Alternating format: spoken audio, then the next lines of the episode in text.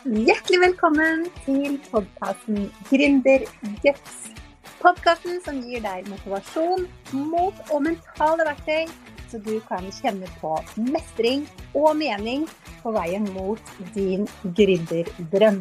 Mitt navn er Helene Nilsen. Jeg er gründercoach og mentaltrener. Og jeg er så glad for at du er her og hører på denne podkasten, for det betyr at du har masse guts allerede siden du har valgt å starte din egen bedrift eller drømmer om å gjøre det. Men nå la oss hoppe inn i dagens episode. Velkommen til en ny episode av podkasten Gründerguts. I dag skal vi snakke om et spennende tema som egentlig er relevant for alle. Men for deg som er gründer eller drømmer om å bli det, så vet du at eh, når du er din egen sjef, så kan du jo legge opp arbeidsdagen og dagen din helt som du vil. Og det er jo en fantastisk eh, frihet.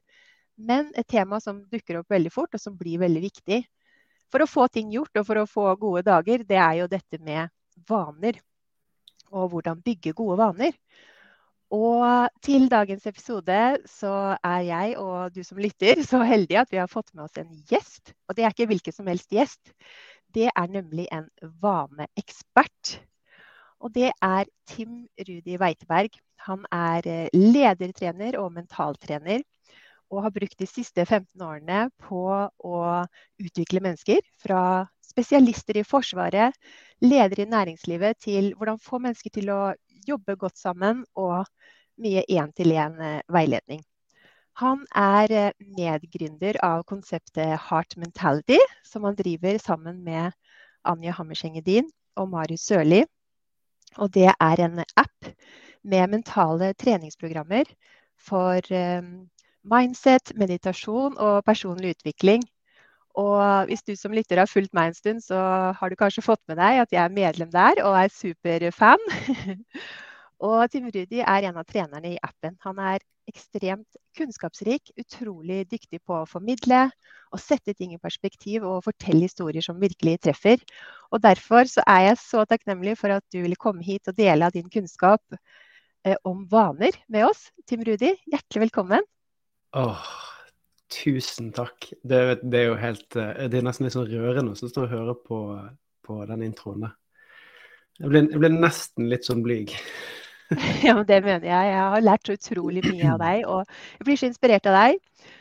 Og det var jo faktisk en vanechallenge som du mm. ledet eh, tidligere i år, som gjorde at jeg ble medlem, egentlig, i, i appen. For det var, var det, en, det var faktisk det som var ah. starten.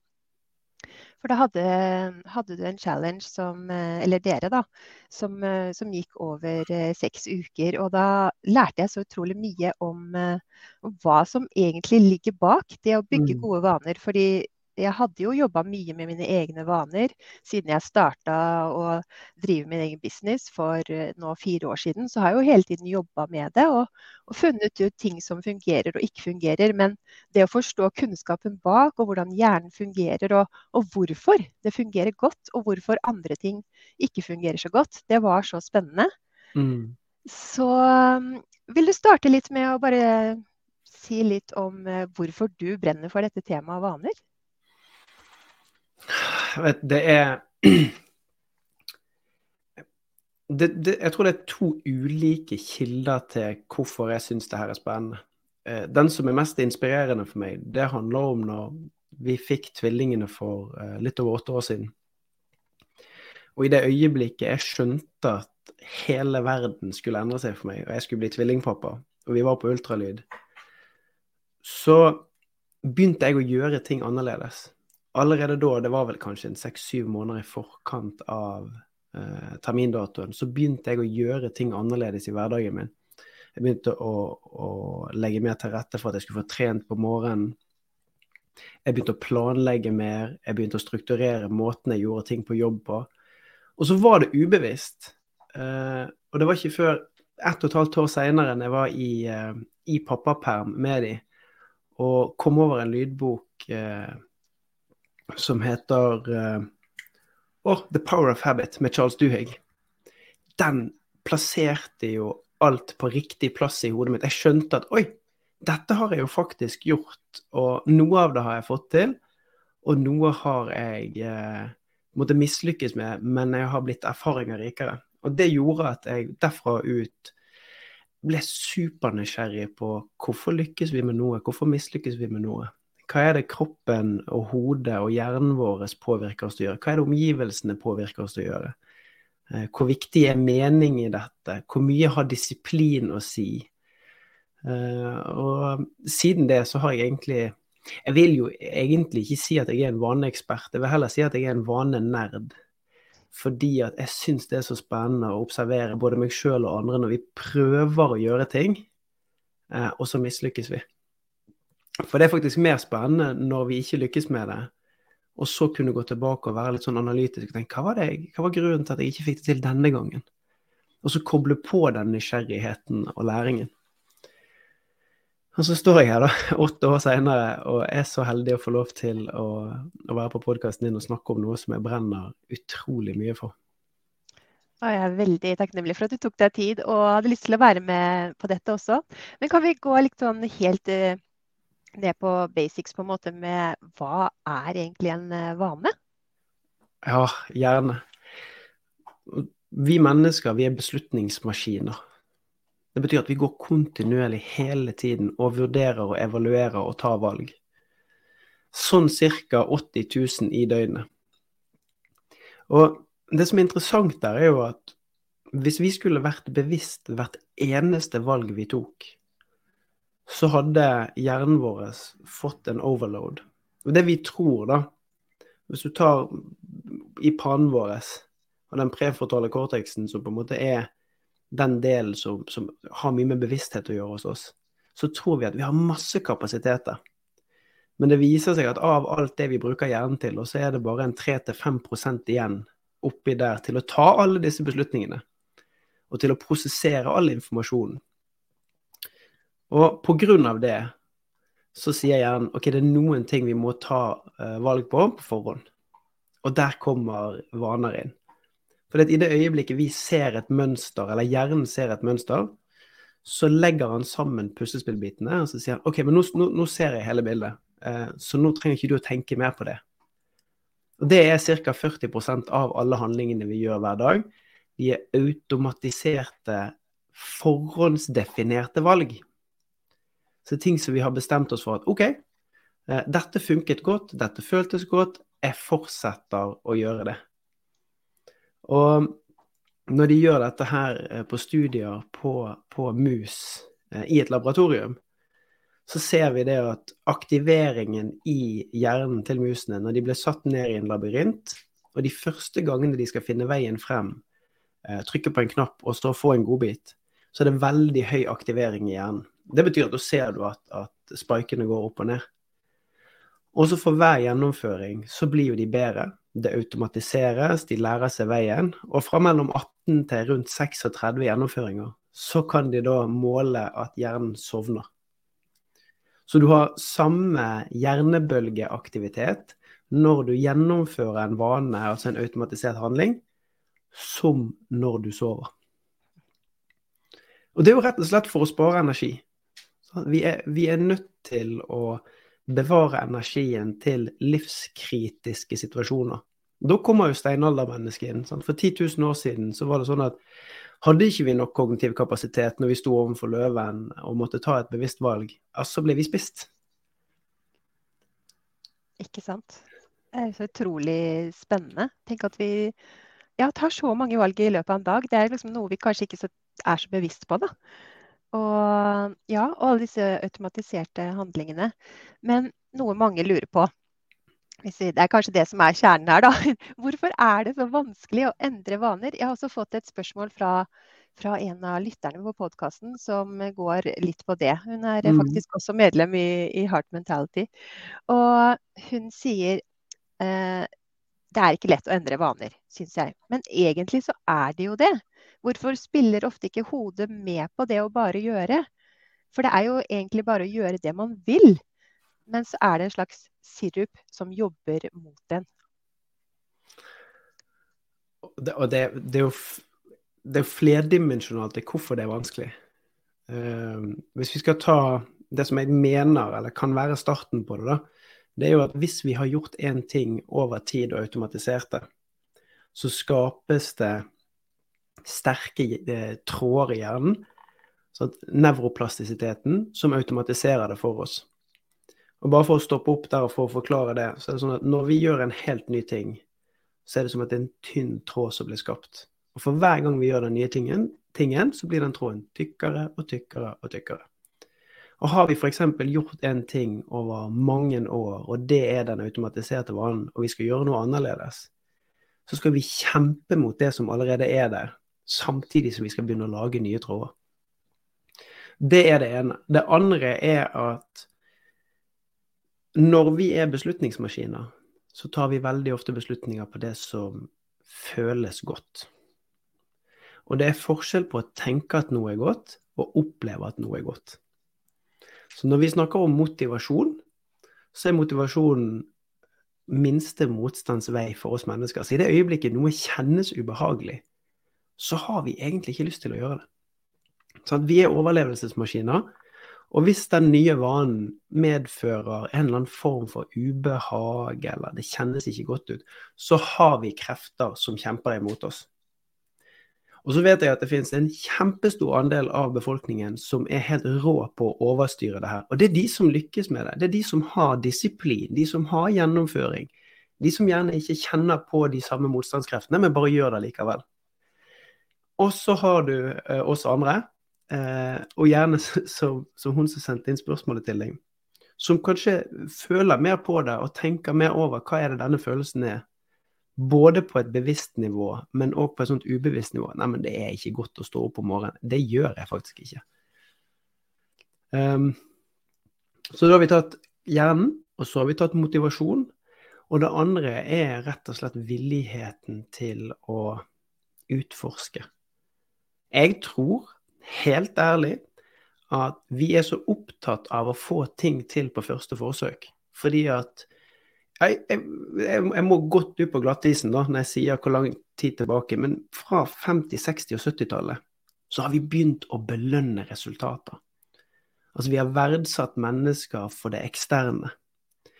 Og, og, og da blir vi òg belønningsmaskiner for det som er sluttresultatet, for skryten vi får, og for kanskje det som folk ikke ser, da, innsatsen og slitet som ligger bak det å lykkes.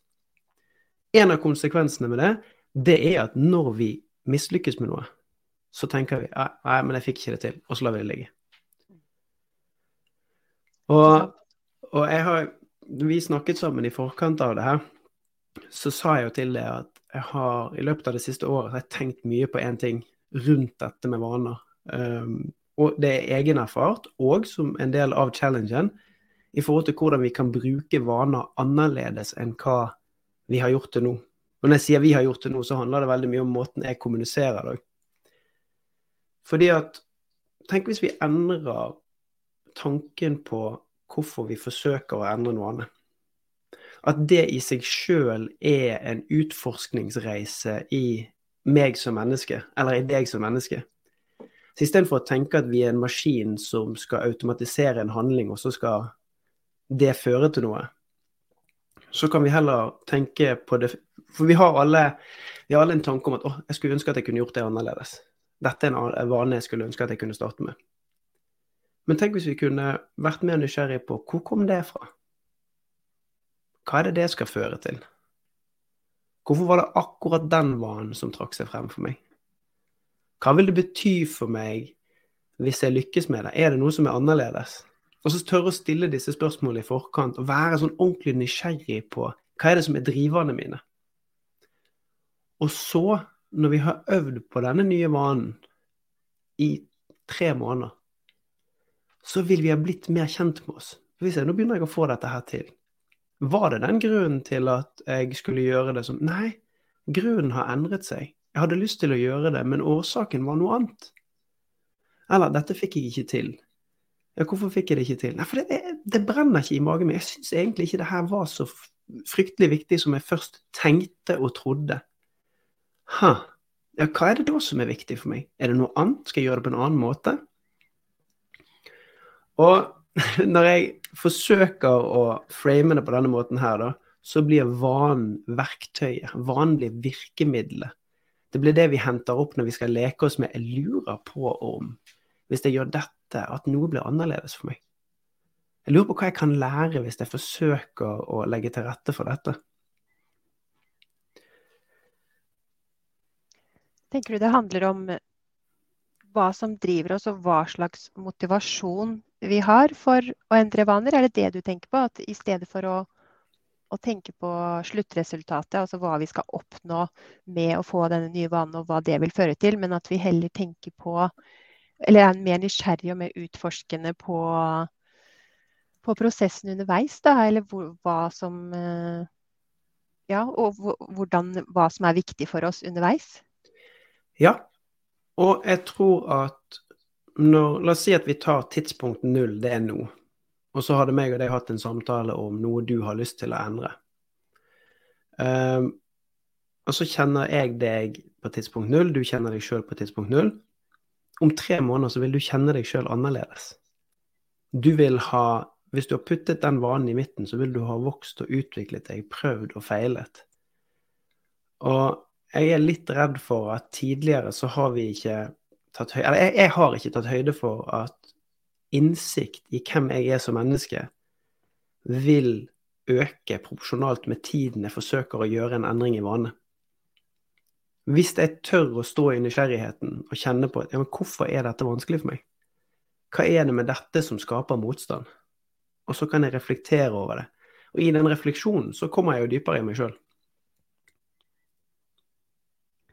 Det handler jo om tankesettet rundt eh, det med å lære seg nye ting, tenker jeg. da, At det, det, tar mye lengre tid enn eh, vi tror, sånn som du innleda med. Og, og, ikke minst det med å justere underveis. Mm. Og, og, finne ut hva som fungerer og ikke. Og at det er ikke en rett vei på en måte til Det, det er ikke en oppskrift vi kan følge. Altså, mange tror kanskje det, da. At for å etablere en ny vane, så må jeg gjøre disse og disse stegene. på en måte, Og da, hvis jeg følger de stegene og bare på en måte har disiplin nok, så kommer jeg til å få den nye vanen. Men det er jo ikke akkurat sånn det fungerer. Nei, det er akkurat det som er. For det, det er jo, når vi tenker sånn, så blir vi så ofte skuffet. Mm. Kontra at vi bruker kunnskapen om vaneetablering og vaneendring på en måte som gjør oss bedre kjent med oss sjøl. Mm. Som skaper Men, den innsikten. Ja. Hva tenker du Hvor skal vi begynne, da? Vi skal Hvis det er en vane du har lyst til å få på plass, det er noe du virkelig har lyst til å få til, eller noe du, du kjenner at du, du, du, er nysgjerrig på å, å, se om du får til. Mm. Hva, hvor, hvor, begynner vi? Det, det, første handler jo om å bare se for seg hva jeg har lyst til å gjøre annerledes Og se for seg den vanen og hvordan det vil se ut når du gjør det. For vi hopper gjerne over det steget. Og bare bruke fem minutter på å lukke øynene og se for seg sjøl som et menneske som gjør den nye tingen. Og, og, bare der så appellerer vi til identiteten vår, hvem vi er som menneske.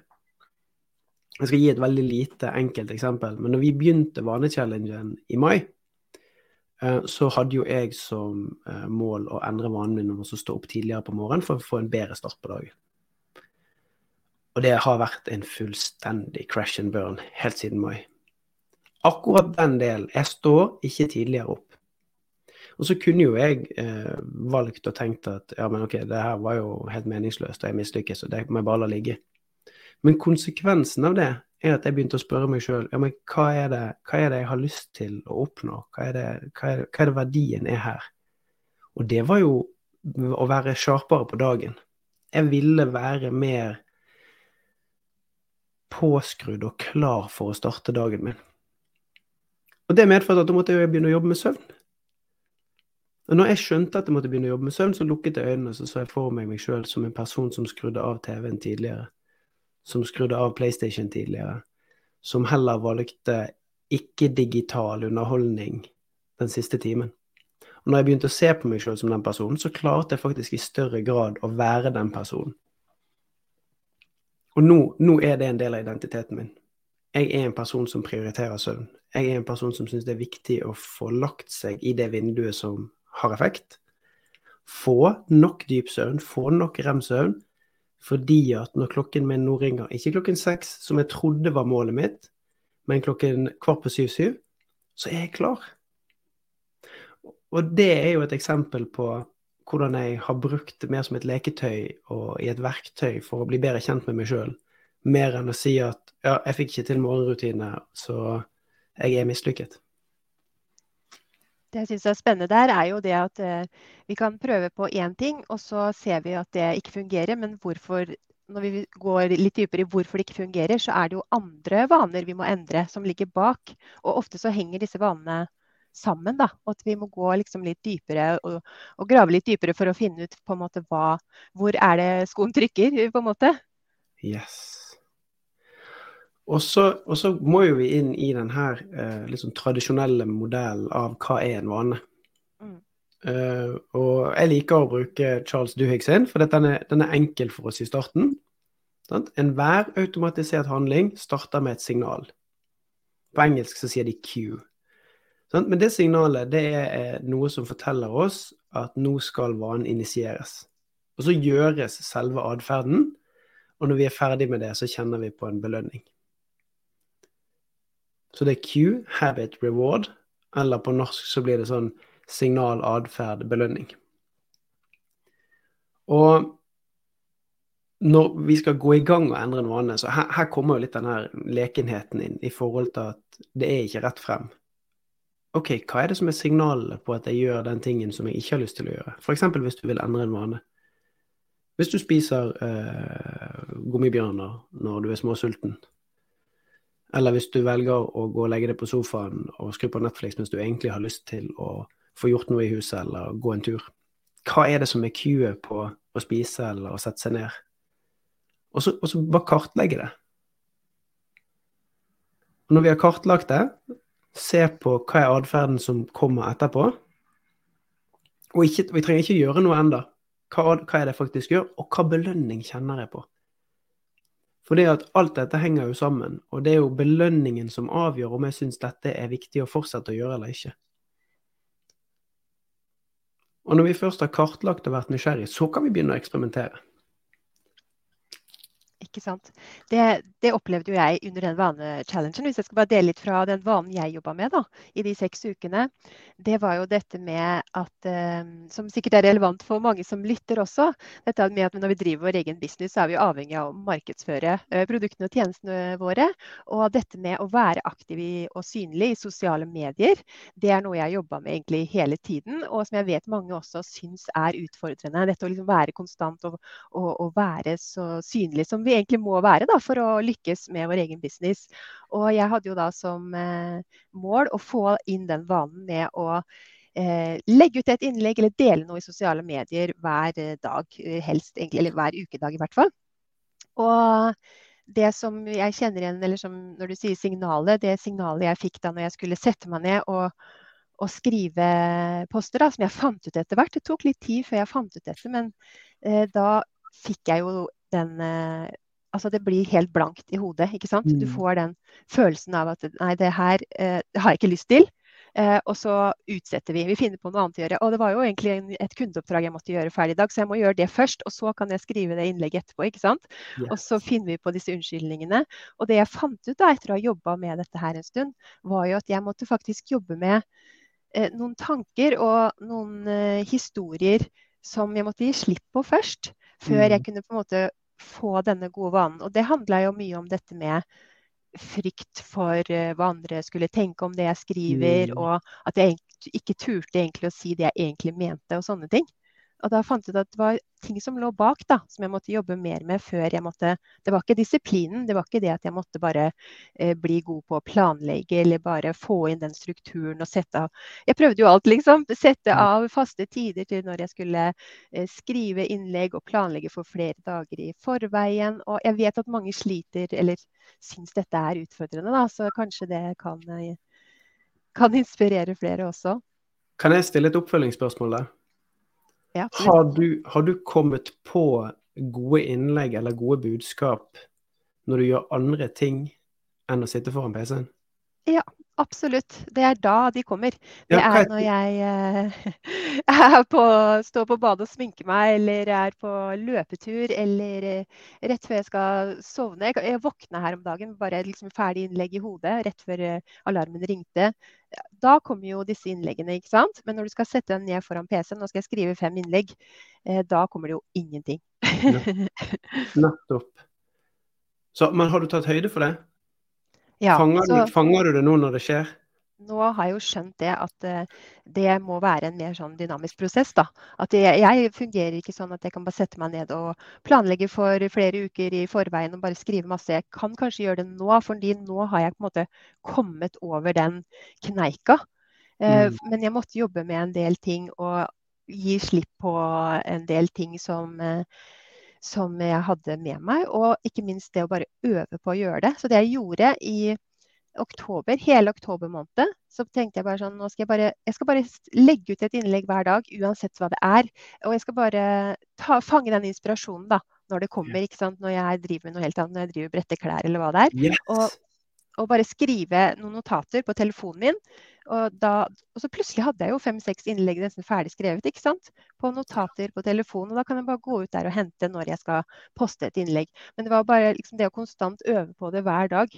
Og det var fælt eh, Mm. hver eneste dag, fordi du tenker sånn Å nei, dette her er ikke bra nok. Det, og noen, noen kommer til å mene det, noen kommer til å mene det. Og så mener jo folk veldig lite, da, egentlig, om det du legger ut. Men det er bare at du tenker det inni, Mm. inni eget hode, ikke sant? Og jeg, jeg tror det er så viktig sånn at Podkasten din er jo for de som ønsker å leve av drømmen, ønsker å være gründere. Mm. Den ene tingen som du sier der, sånn, det å tørre å fange ideen når han kommer. Jeg, jeg har bare lyst til å understøtte det, for jeg fant ut uh, tidligere i år at jeg er ikke kreativ når jeg er foran uh, PC-en sånn som jeg. Jeg har en sånn kjempestor skjerm sånn 49 tommer. Altså kreativiteten bare forsvinner, han dør Ja. når jeg er foran den.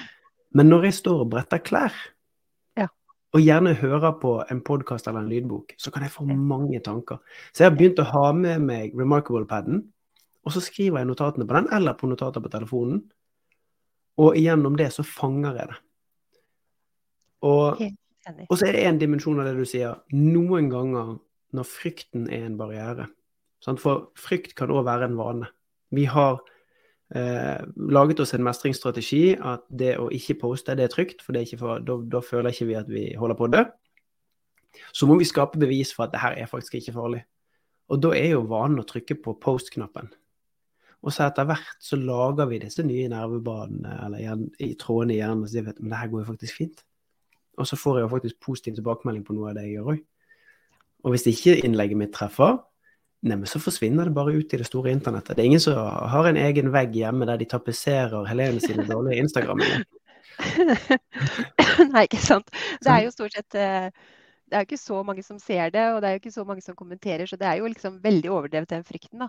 Men en ting som jeg fant ut, det var at eh, det å bare øve på å gjøre noe du er redd for, eller som du Mm. gruer deg for eller er litt nervøs for, bare det i seg selv, og bygge opp på en måte det motet der, da. Og så får man litt sånn adrenalinrush òg, selv om det høres Mm. kanskje teit ut, bare det å trykke på postknappen på et innlegg på Instagram. Men du får jo liksom Du overkommer den frykten litt og litt og litt. Og du blir litt sånn hekta på den følelsen der òg, etter hvert. Så det liksom forsterker eh, eh, bygging av den vanen, da, føler jeg. Fordi du liksom får en god, veldig god følelse etter at du har gjort det. Og når du har gjort det mange ganger på rad, så blir frykten mindre. Det er én ting, men også liksom følelsen av å mestre blir større. Mm. Det er jo som å gå på trening. Sant? Vi får endorfiner, vi får dopamininnsprøytning, og så får vi lyst til å gjøre det på nytt. Mm. Det er mange som sitter og venter på eh, motivasjon til å komme seg på trening eller komme seg ut.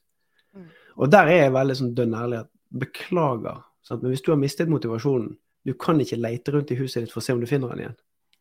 Der må du faktisk ut, og så må du hente bevis på at du er en person som gjør det.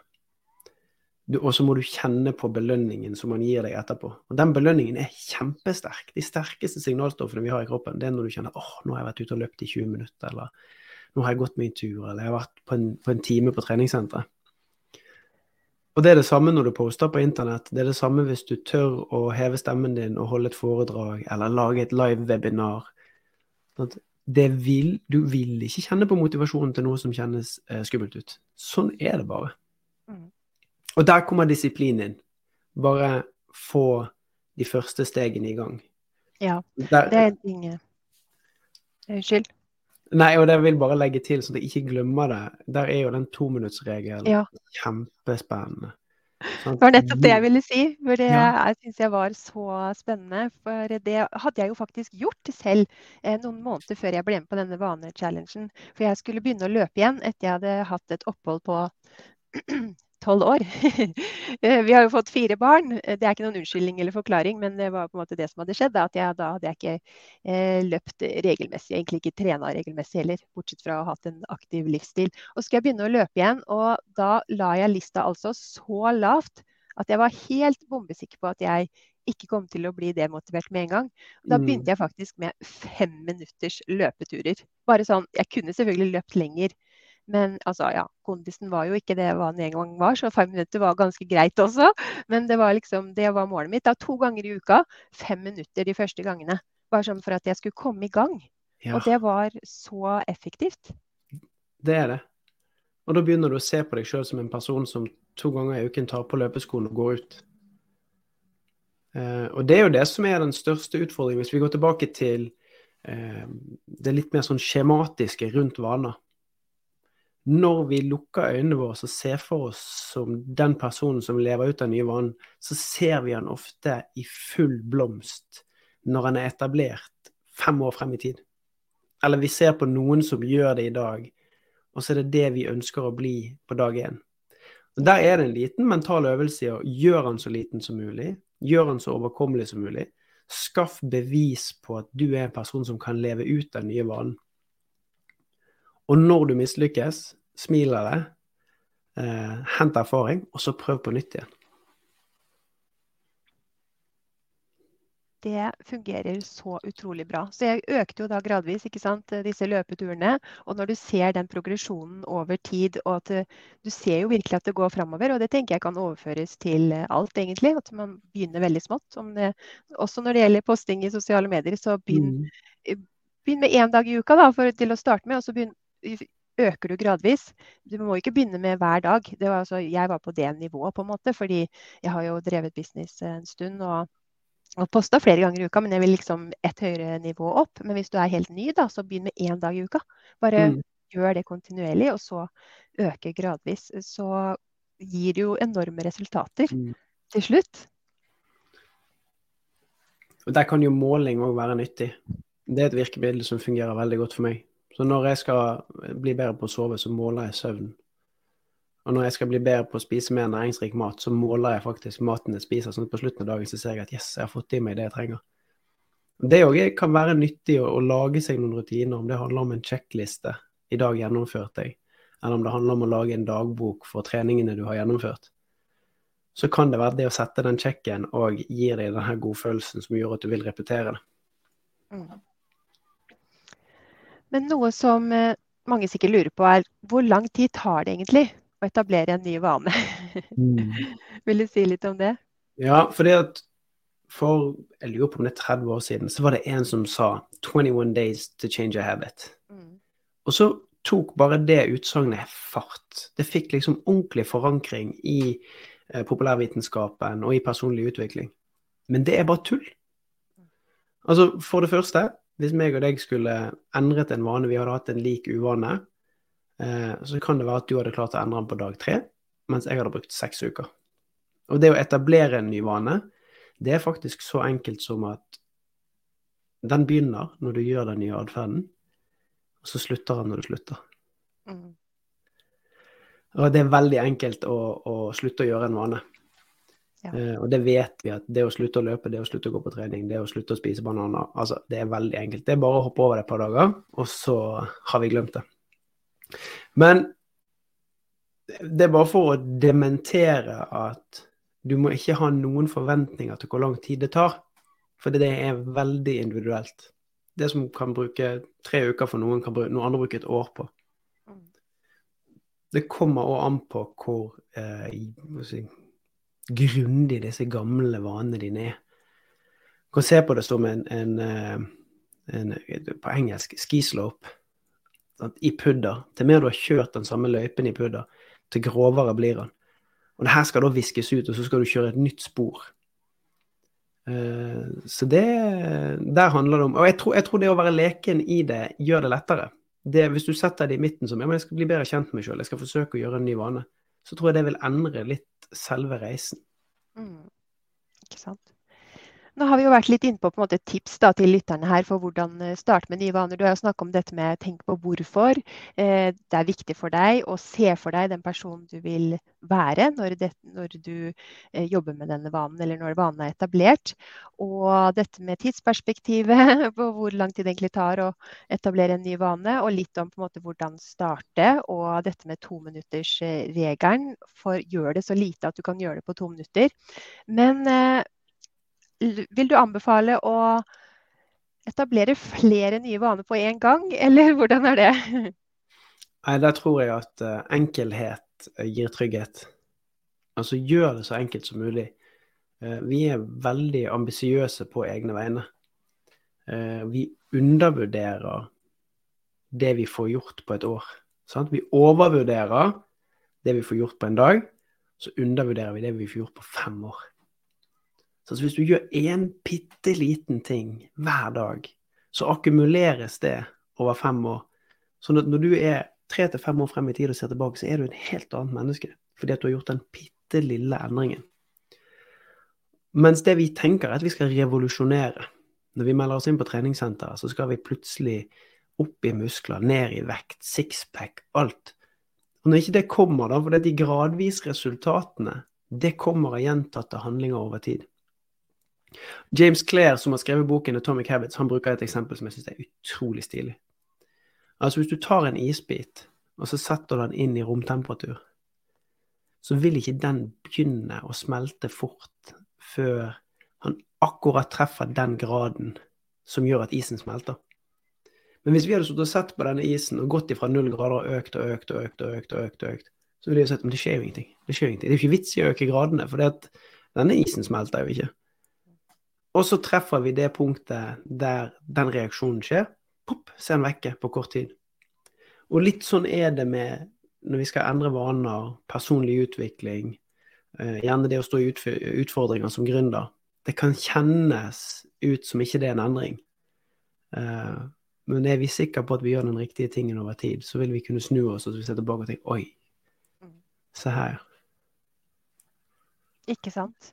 Så, fordi det kan jo føles veldig overveldende. og på en måte man, Det er så mye man har lyst til å få på plass. ikke sant? Mm. Og så mange ting vi, vi skal endre. Kanskje fra å liksom være ansatt et sted hvor det er veldig trygge eller sånn veldig definerte rammer, da, og så skal man gå over i en hverdag hvor man skal på en måte definere alle rammene selv. Og eh, alt det som ligger bak det av eh, mentale utfordringer med alt vi er redd for og alt vi syns kanskje er utfordrende. da. Så det kan jo føles litt overveldende. og det å da være bevisst på den, på måte, den veien underveis, tenker jeg. Da, og liksom se, se, på hva vi faktisk får til, og de små skritta eh, mm. som vi tar underveis, da. tenker jeg er viktig. Og så er det jo, Vi kunne jo snakket om dette i to timer for å forsikre for å få med alt. Uh, ja. men jeg, jeg, har litt lyst til å bare nevne at vi har jo sånne hjørnesteinsvaner. Det er jo én vane som påvirker flere. Det går det an å være nysgjerrig på. Mm. Uh, når jeg gjør denne tingen her, vil den ha en dråpeeffekt, altså ripple-effekt på andre ting, eller endrer jeg bare denne? Og da kan vi gjøre en ting til som jeg syns er et godt råd. Det er å tørre å ta stegene bakover. Okay, hvis det handler om eh, Ta ett eksempel først, da. Å legge seg tidligere på, på kvelden. For at jeg skal kunne være i seng klokken ti, men jeg liker fortsatt å ha egentid, så kan det være at jeg må begynne å ta oppvasken eller vaske matboksen til barna en halvtime, time tidligere enn det jeg gjorde før. Så før så gjorde jeg det mens jeg sto og de spiste kveldsmat. Mens nå er de blitt såpass selvstendige. Kanskje jeg må endre den vanen. Så jeg trenger ikke være der lenger. Jeg kan gjøre andre ting som forbereder dagen min som kommer, eller legger til rette for kvelden som kommer. Og da er jo vanen min å faktisk gå ned på vaskerommet og brette klær og hente matboksen ut av sekkene til barna det som skal gjøre at jeg kommer meg i seng tidligere, ikke selve søvnen. Mm. Hvis vi tar et annet eksempel som handler om å, å mm, trene på morgenen. Eh, og da la oss si at du må stå opp seks for å kunne trene til klokken er kvart på syv, og så skal du dusje fra kvart på syv til syv. Eh, vanligvis så står du opp syv. For å kunne stå opp seks, så må du legge deg tidligere. Men for at du skal gjøre veien kort fra du står opp klokken seks, så må skoene være klare. Du må kanskje ha smurt matpakken dagen i forveien. Du må kanskje ha planlagt hva klær du skal på deg. Du må kanskje ha planlagt hva klær barna skal på seg. Så det å gå bakover og se hva er det som faktisk må være på plass her for at jeg skal lykkes med atferden som jeg ønsker, og da er atferden ute å løpe, så viser det seg at den er faktisk enklere å gjøre noe med. For det er strukturen og systemene i forkant som avgjør om vi faktisk er i posisjon til det. Mm. Jeg klarer ikke å være i seng til klokken er ti hvis huset er et kaos når ungene er lagt et sted mellom åtte og halv ni, og jeg må begynne å rydde og begynne å planlegge dagen etterpå, begynne å få kontroll på både meg sjøl og hele huset. Så hjørnesteinsvaner, det er de vanene som, eh, som, ligger bak det som du egentlig vil få til? Er det det som er Nei, Det er egentlig to forskjellige ting. Det kan godt være at jeg forklarte det litt dårlig, at jeg blandet de da. Men en hjørnesteinsvane, det er hvis du trener på morgenen, så viser mm. forskningen at da spiser du sunnere til lunsj. Aha, og, du, ja. og, du, og, du, bruker mindre penger uh, spontant, og du legger deg tidligere på kvelden. Ja.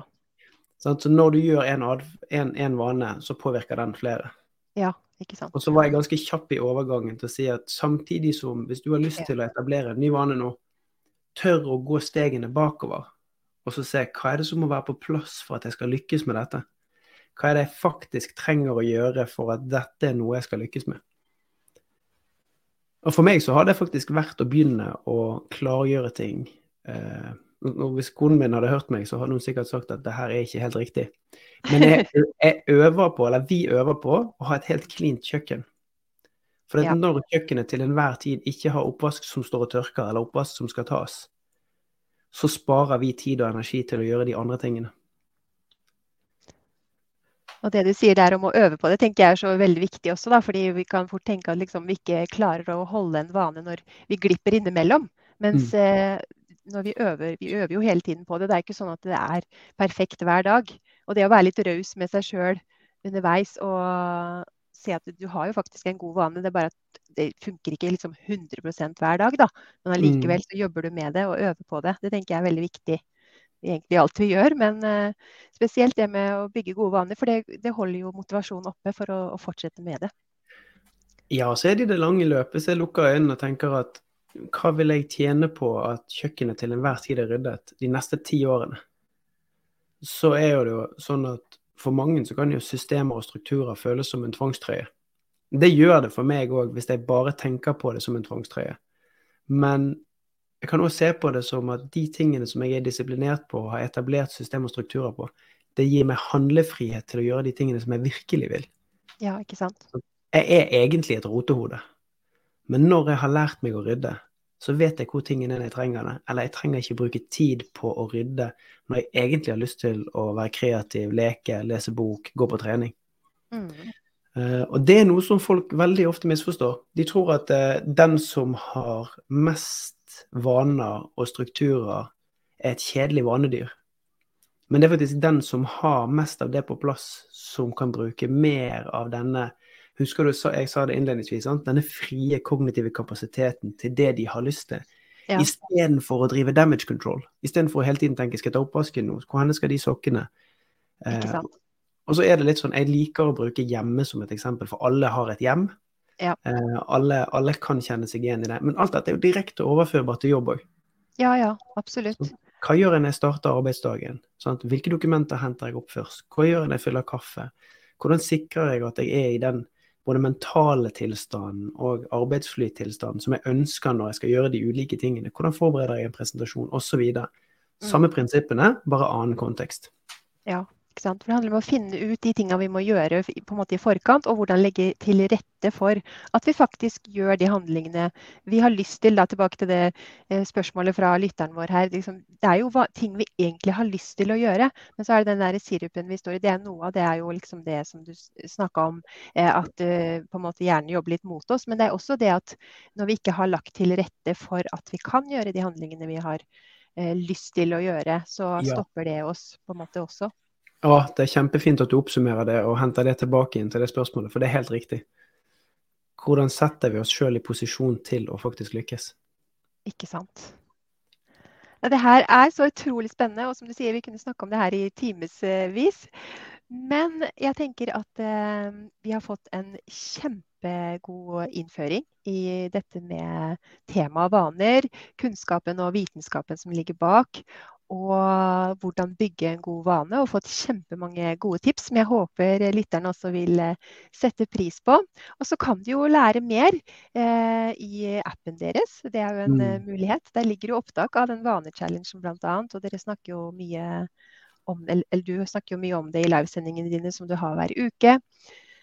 Så eh, ja, hvor kan de finne deg hvis de vil lære mer?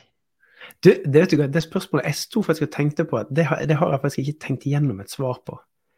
Men jeg er stort sett Tim Rudi eh, der jeg er, eh, på Instagram. Tim Rudi Weiteberg på LinkedIn. Eh, Facebook er jeg ikke like aktiv på. Eh, og så er jeg veldig takknemlig for at du spiller opp appen. fordi at hvis de som hører på, kjenner at oi, her er det noe, jeg har lyst til å ta ut et potensial, så er dere hjertelig velkommen til å bli en del av det fellesskapet som vi jobber for å skape i Nepen. Og Marius han har livesending hver mandagsmorgen der han kickstarter uken. Anja har livesending hver tirsdagskveld med mindset og meditasjon, der vi både lander og skaper innsikt. Og så har jeg livesending om onsdagene, fortrinnsvis på morgenen klokken ni. Der vi snakker om hvordan ta kunnskap ut i handling, og der det er action som er fokus, og der er vaner veldig sentralt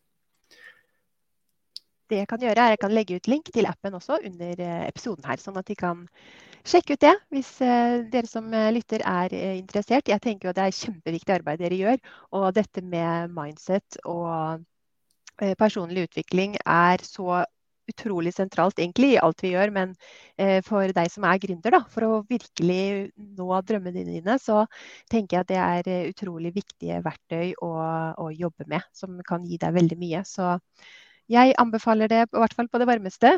Og eh, vil si tusen hjertelig takk til deg, Tim Rudi, for at du stilte opp og delte så raust av din eh, kunnskap og dine insekter om dette spennende temaet.